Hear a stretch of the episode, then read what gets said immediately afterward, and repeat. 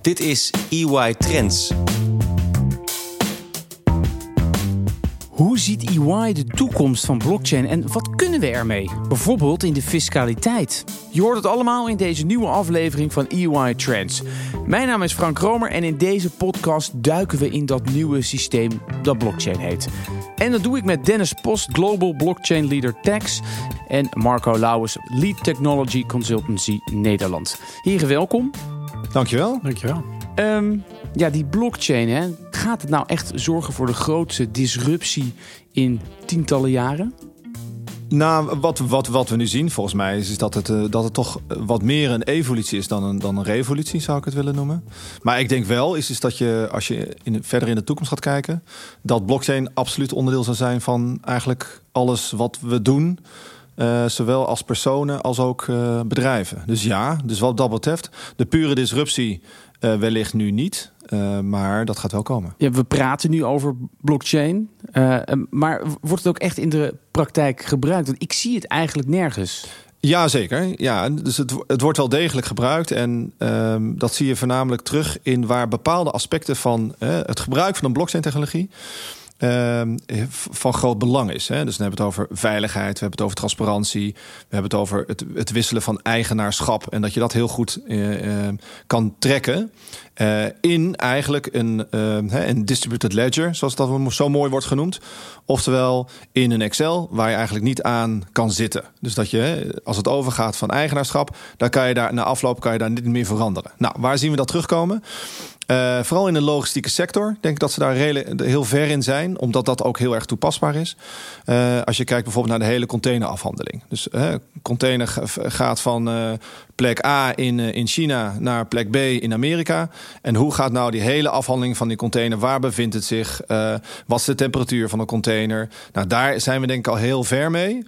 En zijn er ook verschillende partijen die daar ook wel verschillende oplossingen voor bieden. Um, en hele ecosystemen creëren om, om daar naar te kijken. En ten tweede denk ik een andere interessante is...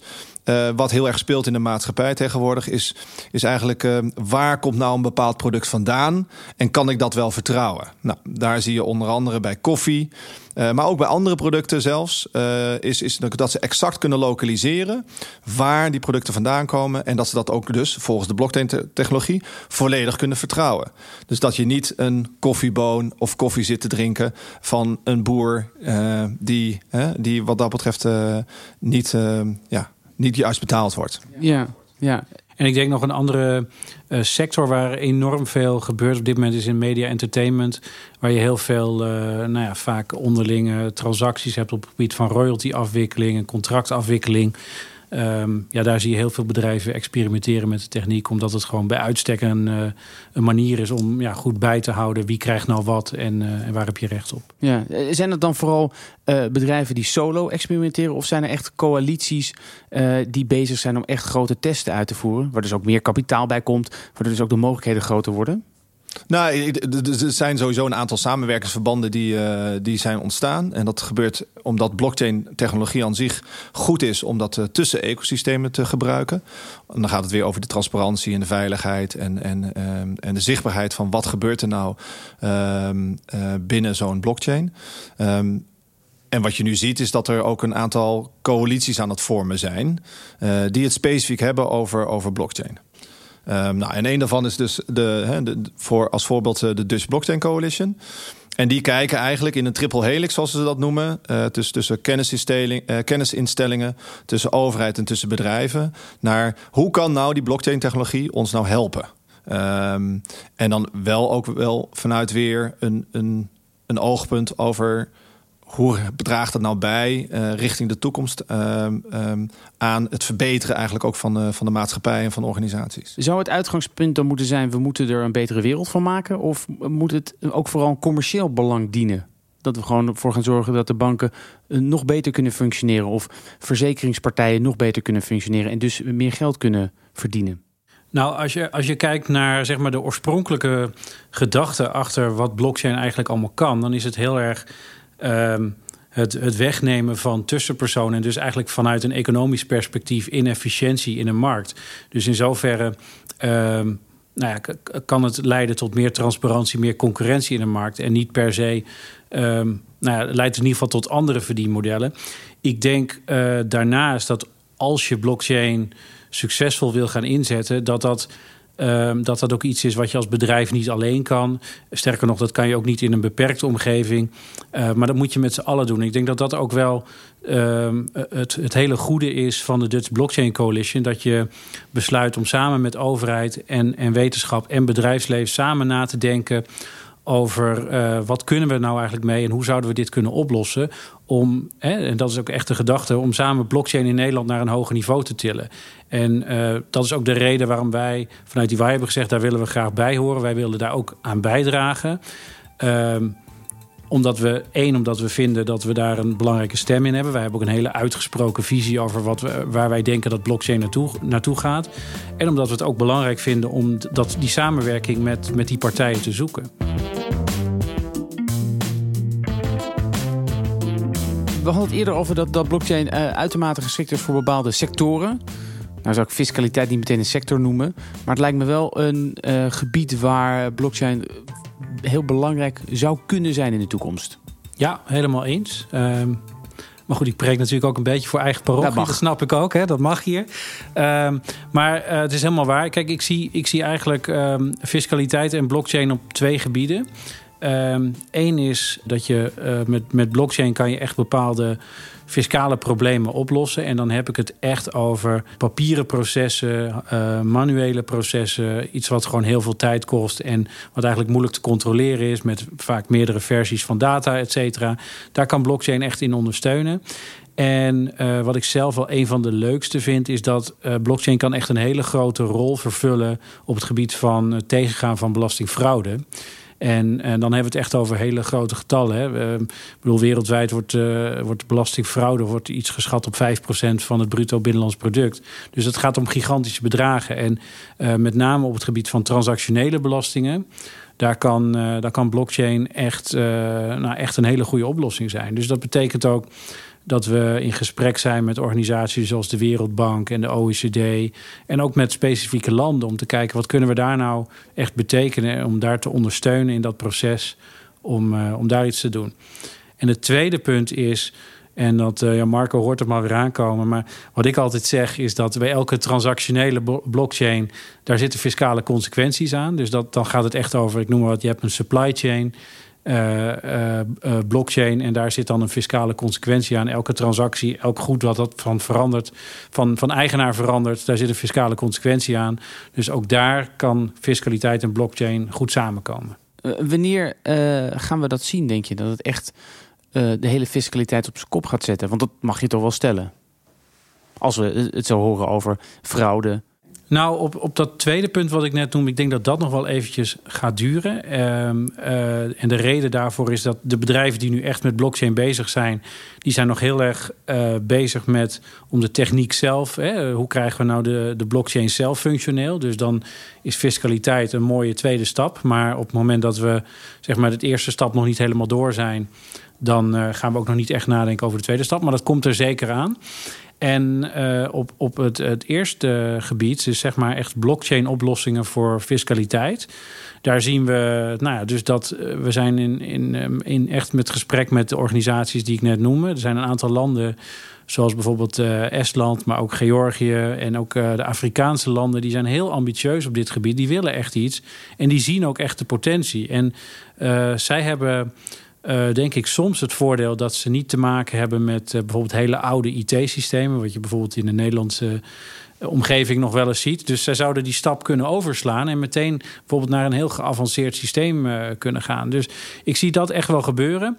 En wat ik daar verder nog over kan zeggen, ja, we zijn ook bijvoorbeeld op het gebied van douane, en dat vind ik douane en fiscaliteit liggen natuurlijk ook heel erg nauw met elkaar verweven. Maar ook daar zie ik al wel dat echt bedrijven zijn die willen gaan kijken van ja, hoe kan ik daar nou mijn processen verbeteren, stroomlijnen met behulp van blockchain. Dus er gebeurt ontzettend veel. Ja. Wat zou het voor bedrijven opleveren? Is het gewoon uh, kostenefficiëntie? Nou, ja, dat is enerzijds uh, kostenefficiëntie. Maar bijvoorbeeld, uh, ik heb ook in gesprekken met bedrijven echt wel gemerkt dat zij zitten ook met uh, nou, de typische problemen waar, waar elk bedrijf mee zit. gebrek aan tijd, ge gebrek aan mensen, boeterisico's op het moment dat je processen niet op orde hebt. Dus het zit ook in efficiëntie en meer zekerheid over bepaalde processen. En ik denk dat iedereen daar uiteindelijk baat bij zal hebben.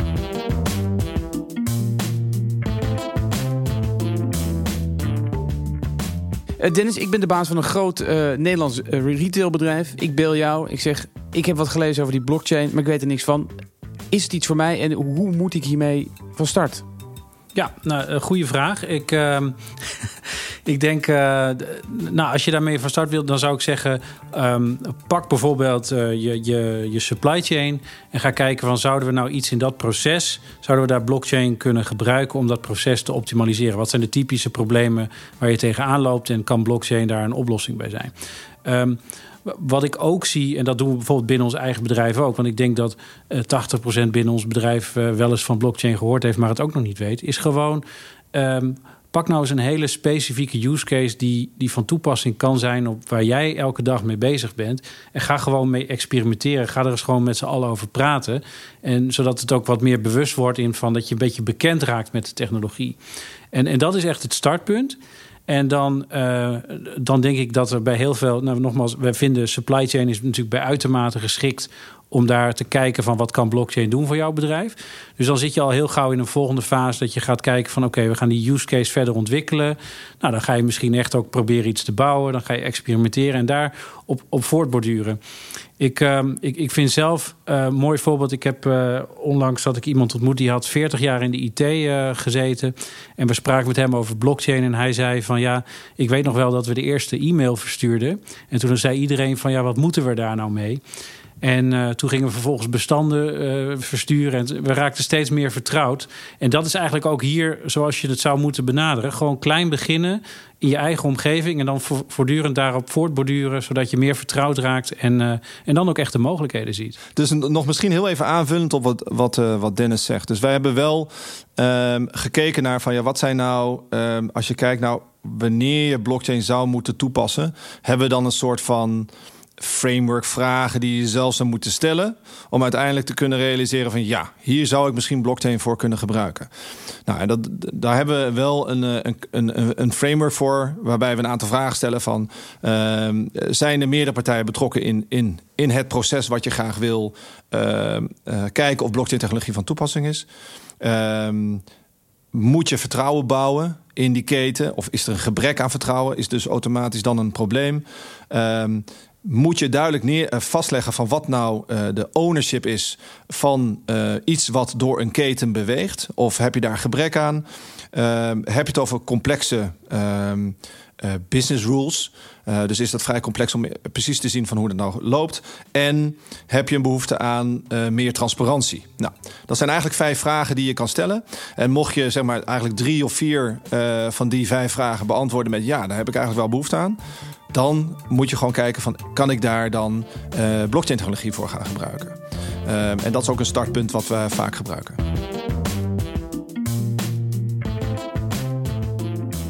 Waar gaat dat naartoe, denken jullie, over vijf, tien jaar? Hoe, hoe gaat dat zich ontwikkelen? Nou, dat is, dat is een, um, een hele belangrijke vraag. En uh, daar wordt heel erg verschillend over gedacht. Wij, wij denken zelf dat. Um, uh, wat je op dit moment ziet, en dat, dat komt ook een beetje terug op jouw eerdere vraag: van ja, waarom, zijn misschien, waarom zien we nog niet zo heel veel? Um, omdat. Uh, dan, dat heeft eigenlijk te maken met het onderscheid tussen private blockchains en publieke blockchains. En private blockchains zijn eigenlijk blockchains tussen een beperkt aantal partijen in een gesloten ecosysteem. En de toegevoegde waarde van private blockchains um, ten opzichte van zeg maar, de huidige stand van technologie, die is heel moeilijk definieerbaar. Dus daarom zijn bedrijven ook nog aarzelend. Waarom zou ik daar nou nog aan meewerken? Uh, want wat, wat levert het mij op? Het kost me heel veel geld, het is allemaal onbekend. Uh, waarom zou ik dat nou doen? Wij geloven echt in dat uh, het heeft geen zin om uiteindelijk honderden blockchains te hebben die allemaal met elkaar interoperabel zijn en met elkaar kunnen uh, verbinden. Maar wij geloven in een visie uh, waarin je echt publieke blockchains hebt en waar mensen ook gewoon transacties kunnen laten plaatsvinden over die publieke blockchain. Maar wel op een manier waarop ze dat op een veilige manier doen en in een private, beschermde omgeving. Dus met andere woorden, wij willen private transacties kunnen doen op een publieke blockchain. Dit was EY Trends over de toekomst van blockchain met Dennis Post en Marco Lauwers. En ja, waar die blockchain naartoe gaat, private of public, de tijd zal het leren. Wil je op de hoogte blijven van alle ontwikkelingen en business trends en wat dat voor zakelijk Nederland betekent? Abonneer je dan op EY Trends via iTunes of Spotify. En hou natuurlijk onze website in de gaten www.ey.nl/podcasts. En vergeet niet, laat ons weten wat je van deze serie vindt. Laat bijvoorbeeld sterren achter of een review in iTunes. Dat zouden we fijn vinden. Mijn naam is Frank Kromer. Tot de volgende keer.